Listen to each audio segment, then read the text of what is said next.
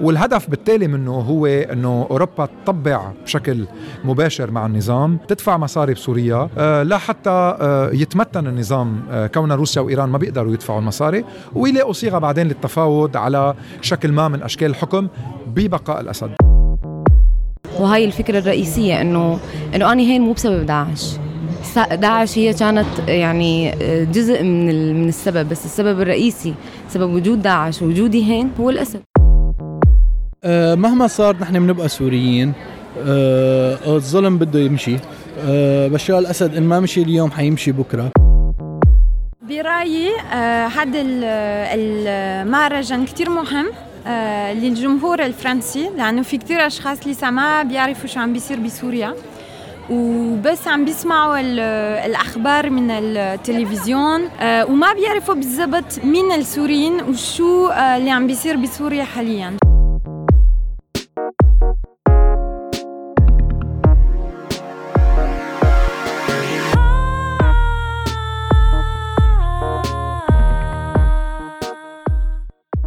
بعد أكثر من سبع سنين على اندلاع الثورة في سوريا كثير من المنظمات ونشطاء المجتمع المدني يلي بطبيعة الحال غير متوافقين مع نظام الحكم في سوريا اضطروا أنهم يطلعوا برات سوريا بسبب كثير عوامل. كان أهم الاعتقال والملاحقات الأمنية. هي المنظمات والمجموعات شوي شوي عم تحاول رغم المسافة أنها تشتغل اليوم على المجتمع السوري يلي ما عاد متواجد ومحصور بس بالداخل السوري. وهالشي عم يكون دافع بشكل مستمر لتنظيم فعاليات مختلفة بتهدف تهدف لتوصيل صوت هالفئة والمجتمع السوري إلى المجتمع العالمي. مع التركيز من خلال هي الفعاليات على توصيل أفكار ورسائل وأصوات السوريين عامة بالإضافة لمساعدة السوريين المهاجرين واللاجئين الاندماج والتواصل مع مجتمعاتهم الجديدة. مهرجان Syrien n'est fait واحد من هي الفعاليات يلي تم افتتاحه ببداية شهر آب الماضي 2018 بالعاصمة الفرنسية باريس. وتم تنظيم هالمهرجان من قبل جمعية ASML الفرنسية السورية ويلي بتدعم المجتمع المدني بسوريا وبتسعى لتطوير الإعلام السوري الحر. فريقنا براديو سوريالي كان موجود ضمن فعاليات المهرجان والتقينا بمجموعة من الفنانين والنشطاء المدنيين المشاركين والمنظمين للمهرجان ودردشنا معاهم بكتير مواضيع بس السؤال الأهم يلي كان دائما يرجع لنا هو سؤالنا عن مستقبل السوريين بالخارج خاصة يلي محتم عليهم التهجير القسري لسبب أو لآخر. بس قبل ما نجاوب عن هدول الأسئلة رح ناخدكم بجولة سريعة عن تفاصيل فعالية مع زميلي إياد كلاس على الإعداد وأنا همام عفار على التقديم. رح نكون معكم بهي التغطية الخاصة على راديو سوريالي خلوكم معنا.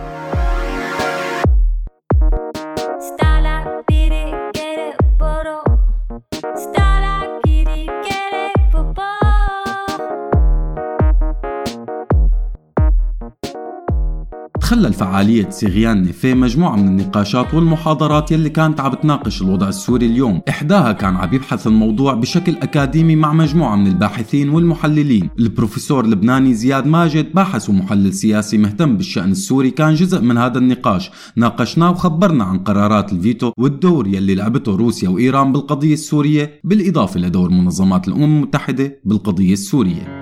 سوريالي سوريالي هو آه، يعني آه، الحكي عن موضوع الفيتو هو للإشارة أنه مجلس الأمن والمؤسسات الأمم المتحدة بشكل عام آه، فقدت أي قدرة على التأثير بالوضع السوري.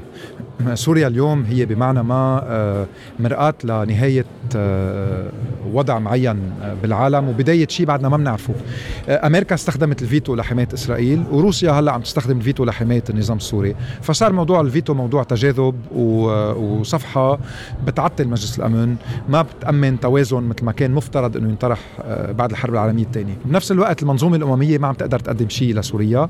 انهار مسار جنيف واستبدل بمسار آه، أستانا وسوتشي وغيرهم. يعني استبدل بمسار فرض آه، خيارات سياسية من خلال القصف ومن خلال انتهاك القانون الدولي ومن خلال القتل. وهذا بيعني كمان مرة إنه في مسألة هي اللي كنت عم جرب ركز عليها اليوم. هي محور الموضوع السوري واللي بينحكى عنه اليوم مفترض. موضوع الحصانة وإنهاء على القتلة أو عدم القبول بأنه تبقى سوريا أرض آه، محصنين فيها كل اللي بيرتكبوا جرائم. لأنه طالما في هذا الموضوع ما في أي حل ممكن للمأساة السورية.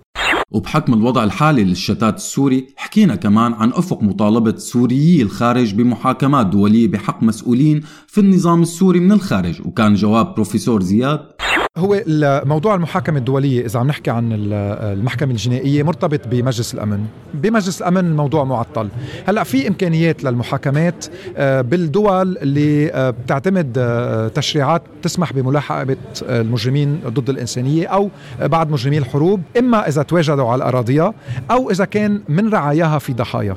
في بألمانيا اليوم قرار كتير مهم أخذوا أحد القضاة بتوقيف جميل حسن رئيس جهاز المخابرات الجوية بناء على دعوة تقدمت بألمانيا. في بفرنسا اليوم دعوة مقدمة من عائلة دباغ الأب والابن اللي انخطفوا بسوريا من قبل النظام واختفوا. آه، وفي كمان ملف مفتوح له علاقة بقيصر وصور قيصر. وفي بإسبانيا وفي عائلة الصحفية الأمريكية ماري كالفن بأمريكا. وفي توثيق آه، كتير مهم آه، خاصة لقضية القتل تحت التعذيب وقضية المغيبين بالسجون. مع اللي عم يصير اليوم من تبليغ أهالي أو من اكتشافهم لوفاة أبنائهم وأخواتهم وأهلهم بالسجون. هاي كلها أمور تصلح لأكثر من محاكمة. بس بدها قرارات سياسية لتكون محاكمات بإطار دولي أو بدها تبقى بأطر آه، دول أوروبية معنية فيها آه، بتقدر يعني على الأقل تخلي التطبيع مع النظام صعب وتمنع سفر أركان النظام لأي منطقة بالعالم.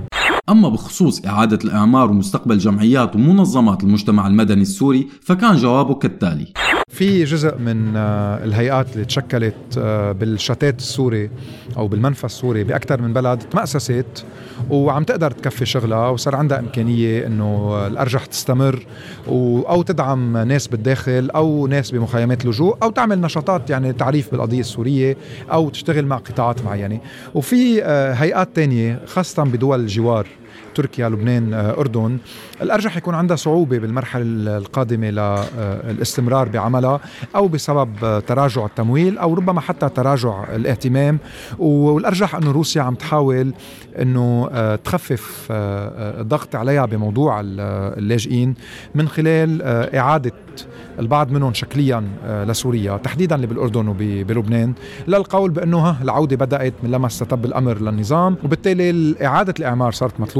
والأموال الأوروبية والدولية بدل ما تروح لمجتمع آه، مدني سوري أو لهيئات آه، سورية آه، بتشتغل بالمنفى الأفضل إنها تروح لإعادة إعمار لتستقبل عائدين. والهدف بالتالي منه هو إنه أوروبا تطبع بشكل مباشر مع النظام تدفع مصاري بسوريا لحتى يتمتن النظام كون روسيا وإيران ما بيقدروا يدفعوا المصاري ويلاقوا صيغة بعدين للتفاوض على شكل ما من أشكال الحكم ببقاء الأسد. هيدا الهدف الروسي. الردود الأوروبية لهلأ منا متماشية تماما مع المطلب الروسي لكن آه، آه، روسيا عم تحاول آه، تستعمل أمريكا تحديدا تفاهم بوتين ترامب للوصول لهالنقطة.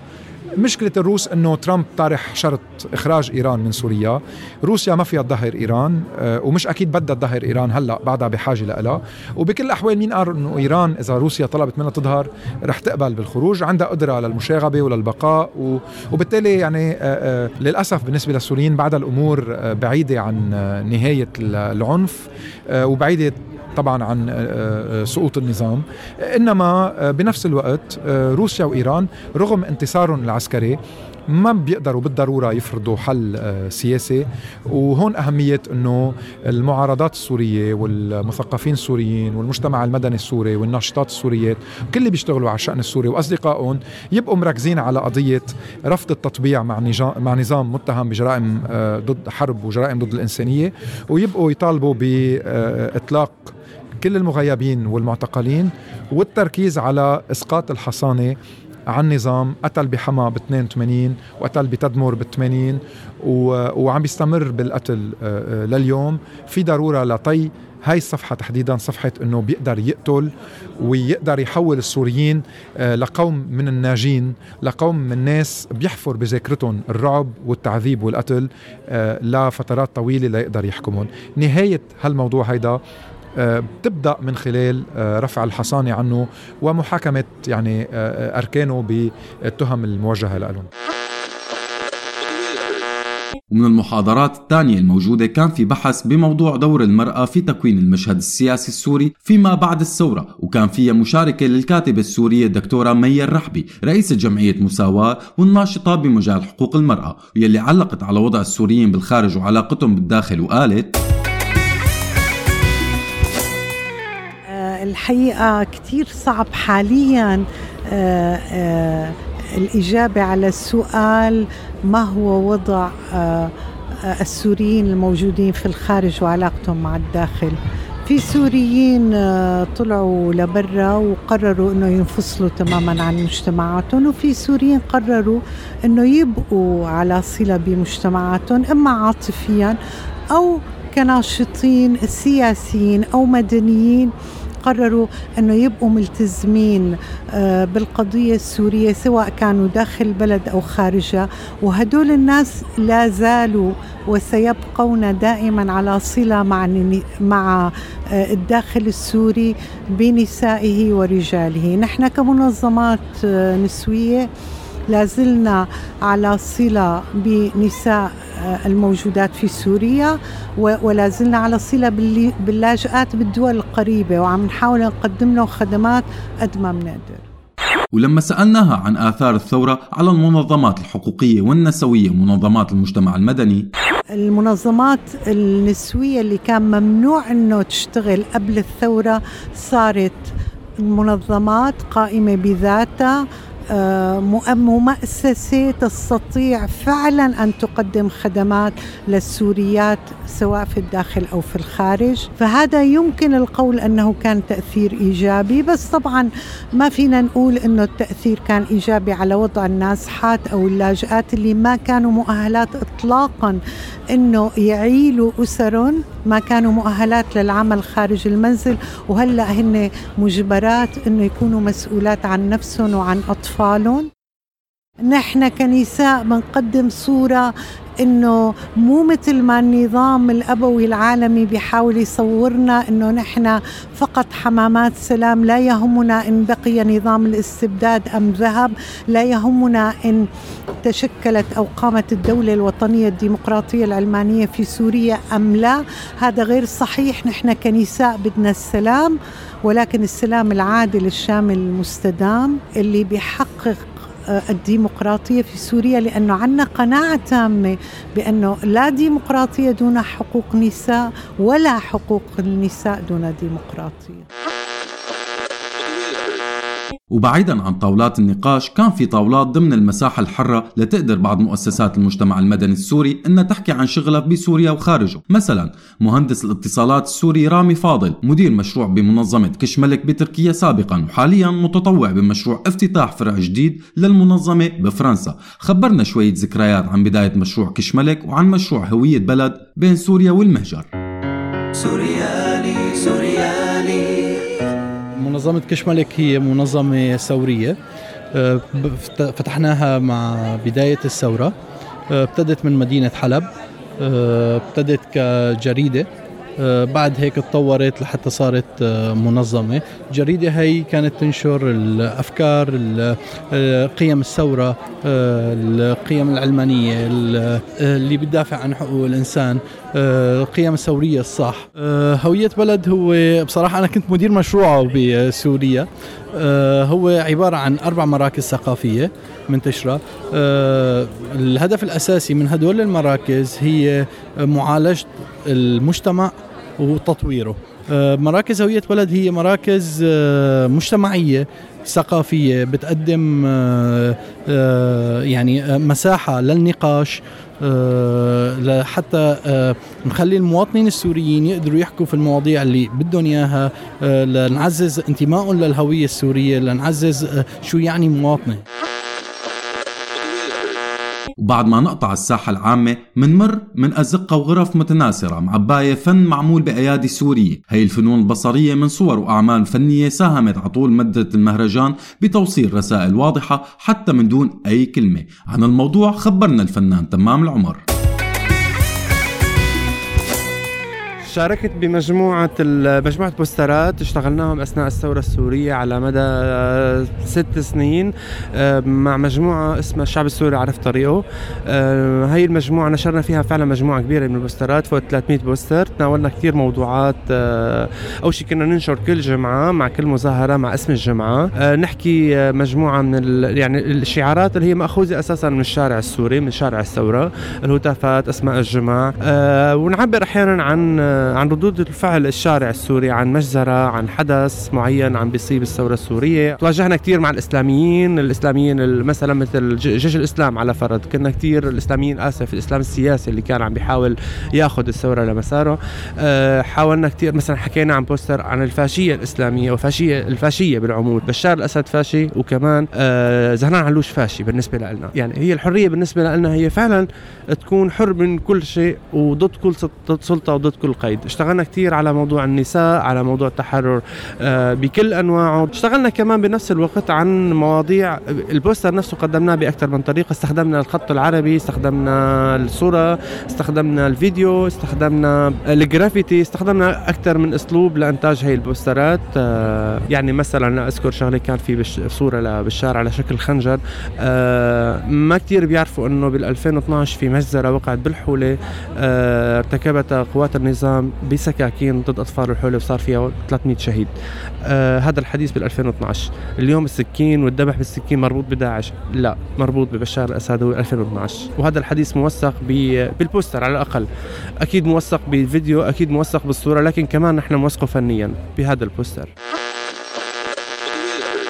ونحن بالأزقة نسمع موسيقى أحيانا تراثية وأحيانا شبابية بس يلي بيجمعها أنها كانت معمولة بأيادي سورية. أكثر من أربع موزعين موسيقيين DJs وعدد من الفرق الموسيقية ساهموا بخلق هالجو الموسيقي عطول فترة المهرجان. حارس المهادي موسيقي سوري وأحد أعضاء فرقة جسر. الفرنسية السورية حكى لنا عن هالفرقة والموسيقى يلي بتقدمها. بداية بالنسبة لجسر فرقة جسر آه، هي مو بس يعني مو بس الفكرة الجمع بين موسيقيين سوريين وفرنسيين وجمع بين الثقافتين المختلفات وثقافات الموسيقى المختلفة والمحاولة للوصول لصورة حلوة يعني أو نتاج جميل. أيضا هي يعني تواصل فكري وروحي مع شخصي ما بين الأشخاص يعني. آه، إحنا حابين نسمع هاي الأصوات اللي بداخلنا. وأيضا بما إنه يعني كموسيقيين محترفين إحنا ممكن نقدر نقدم آه، موسيقتنا السورية وثقافتنا حتى لو كان بنوع جديد أو أغاني جديدة ولكن هو يعني ناتج عن هذا المخزون ومكان اللي تربينا به سمعيا وبصريا يعني. إحنا نعزف موسيقى تألفت قسم منها كبير أثناء الثورة السورية قصص وحكايات. كل كل قطعة تحكي عن أو غنية تحكي عن قصة معينة صارت بالمعتقل أو صارت مع طفل ذبح أو صار مع بدون ما نذكر اسم الحادثة إحنا لأنه الحادثة تتكرر على على مدار ثمان سنين. ما راح تكفي إنه نحكي عن حادثة معينة نحكي بشكل عام يعني. ولما كان يجي الليل كانت تجتمع الناس بالهواء الطلق لتحضر أفلام وثائقية وتسجيلية عن سوريا وعن السوريين. الصحفية هيا العلي بعد ما عرضت فيلمها الوثائقي للمرة الثانية قدام الجمهور الفرنسي ويلي بيحكي عن تنظيم داعش بالرقة خبرتنا عن هي التجربة. الحز الأسئلة كانت مختلفة تماما. التعاطف أو الفهم الفكرة يعني حتى بالنسبة لي يعني أنا أكيد نضجت عندي كثير شغلات تعاطية مع القصص ما ما ما نفسها. بس المضمون الحقيقي يعني أنا صرت أقدر أقدر يعني أقدر أوصله بطريقة أوضح للجمهور. وإنه هي قضيتي ما انها داعش يعني. وهاي الفكرة الرئيسية انه إنه أنا هين مو بسبب داعش. داعش هي كانت يعني جزء من من السبب بس السبب الرئيسي سبب وجود داعش ووجودي هين هو الأسد. آه، لما لما آه، الفيلم انشاف أو شافوه الفرنسيين بالمرة الأولى كان بيتعاطف مع قصتي وكأنه أني وبس.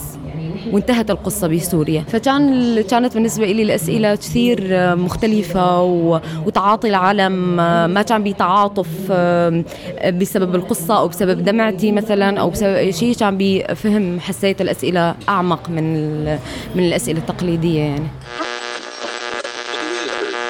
وبالجانب المقابل حاولنا نحكي مع الزائرين ونشوف الموضوع من وجهة نظرهم وحتى ما تكون وجهة النظر متحيزة وشخصية لقينا الشخص المناسب ليحكي لنا عن الموضوع. ماريون فرنسية لكن تجيد اللغة العربية بإتقان وحكت لنا عن رأيها عن الموضوع.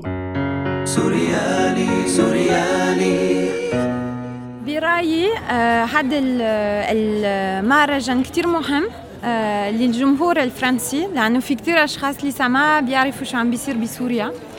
وبس عم بيسمعوا الأخبار من التلفزيون وما بيعرفوا بالضبط مين السوريين وشو اللي عم بيصير بسوريا حاليا. فكتير مهم إنه بيعرفوا بيحكوا مع أشخاص من سوريا حاليا بفرنسا فنانين كمان. فهذا المهرجان كتير مهم للقاء بين فرنسيين اللي ما بيعرفوا شيء عن عن سوريا وسوريين عايشين في فرنسا من ست سنين من سبع سنين. وعن ارتباط هالشي بمستقبل السوريين بالخارج والدور يلي ممكن إنهم يلعبوه بإعادة الأعمار من وجهة نظرها؟ بحس إنه في كتير سوريين ما عندهم مشاكل كتير للاندماج بالمجتمع الفرنسي لأنه بيتعلموا اللغة بسرعة وبيشتغلوا وبيدرسوا. بتمنى بعد خمس سنين بعد عشر سنين ما بعرف قديش إنه في كتير من السوريين ممكن بيقدروا يرجع لسوريا بمستقبل أحسن لسوريا. وبتمنى إنه كل كل الأشياء أو كل الخط الخطوات عملوا بفرنسا. كل اللقاء وكل العلاقات عندهم مع مع فرنسيين. مهم للمستقبل للعلاقات بين سوريا وفرنسا. وإنه ممكن نحن كفرنسيين نحن بنيجي على سوريا زور كل كل الرفات وكل الأشخاص تعرفنا هون بفرنسا. وباعتبار أن السؤال عن مستقبل السوريين كان مهم للجميع إن كان منظمين ومشاركين أو زائرين فرح نحكي عنه بالتفصيل من وجهة نظر الجميع ولكن بعد الفاصل.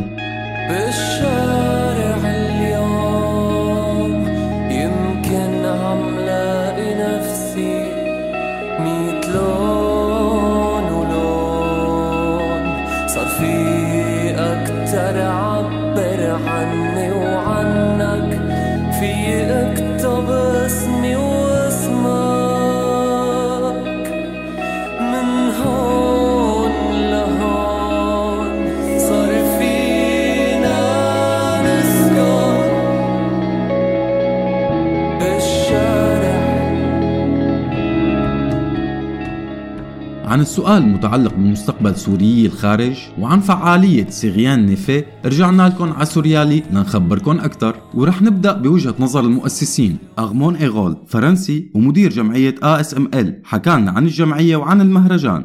ASML جمعية تدعم المجتمع المدني بسوريا والتطور ال- الإعلام ال- الحر بال- بالبلد. ونحن يعني بمعظم الفريق موجودين بباريس.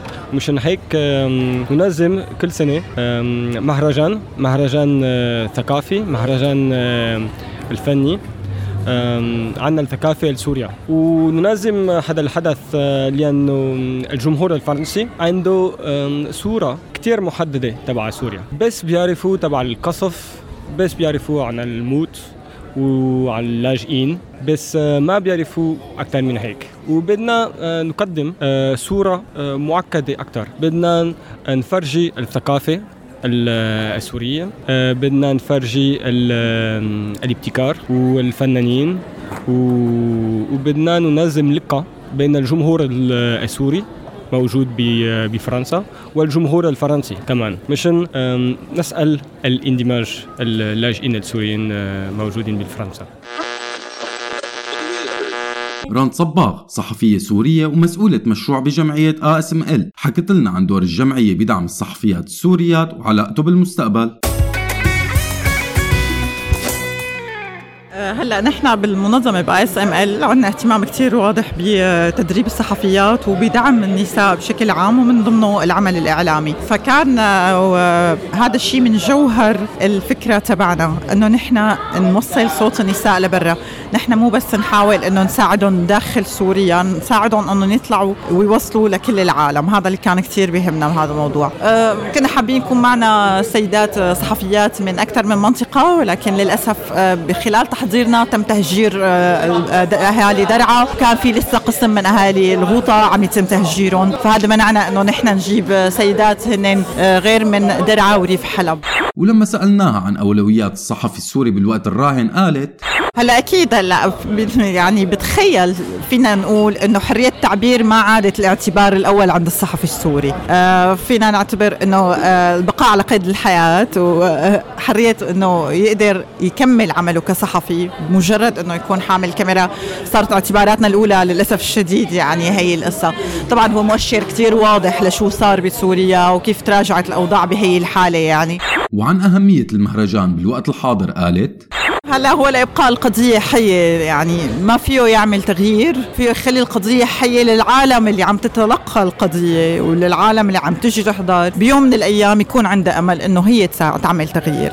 أما هو هلا بالوقت الراهن نعرف إنه مو بإيدنا بس ضروري تضل حاضر القضية والعالم ما تفكر إنه الحرب انتهت.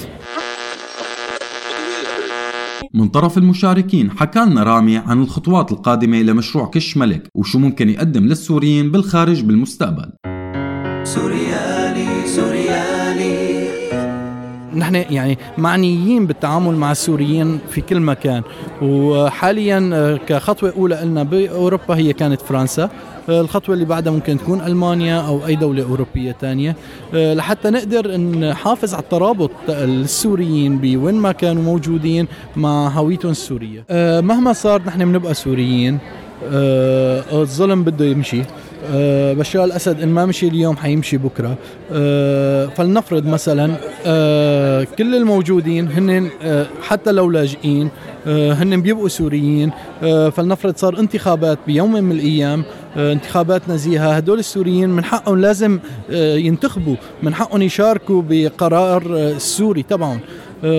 فبالتالي لازم لازم نوحد حالنا برا في بلاد المهجر لحتى يكون لنا صوت واحد لأنه للأسف آه، بعد سبع سنين نحن السوري صار في كل مكان تشرزمنا ما كان عندنا آه، صوت واحد أو أفكار وحدة.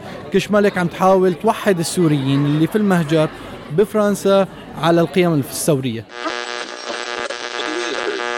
وعن دور الطبقة المعارضة الموجودة بالخارج ومستقبلها قالت لنا هيا العلي الجمهور الفرنسي اللي أول ما جيت لهين أنا جيت حسسوني بإحساس البطل وأني عن جد ماني هيك يعني.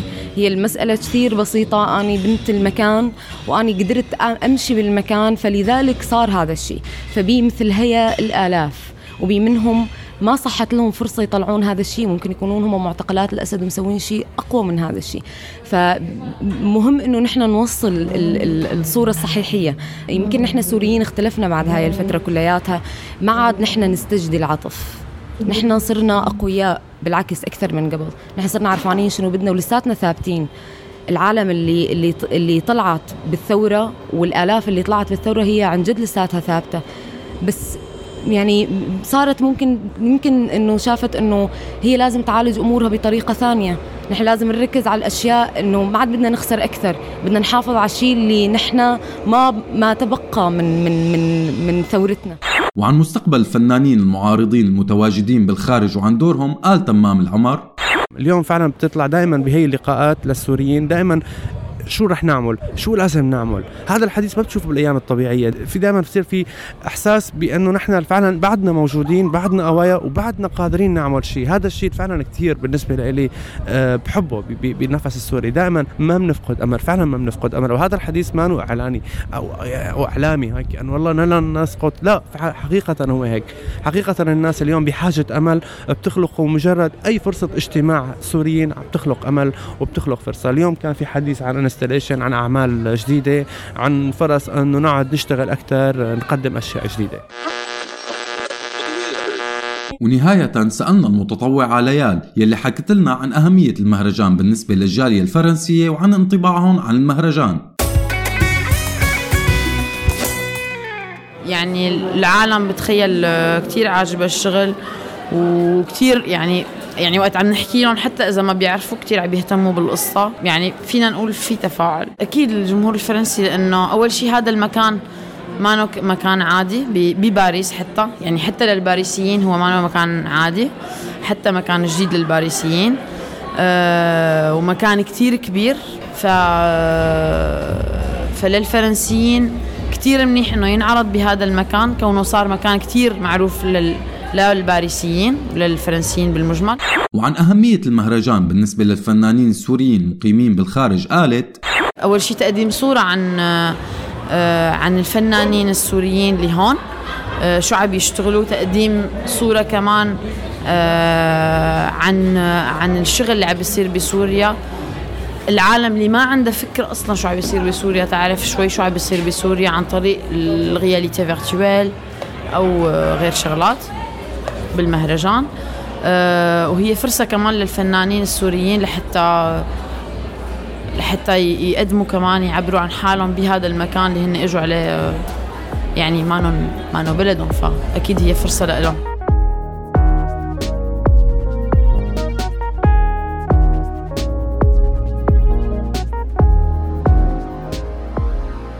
مستقبل السوريين داخلا أو خارجا على ما يبدو أنه غامض.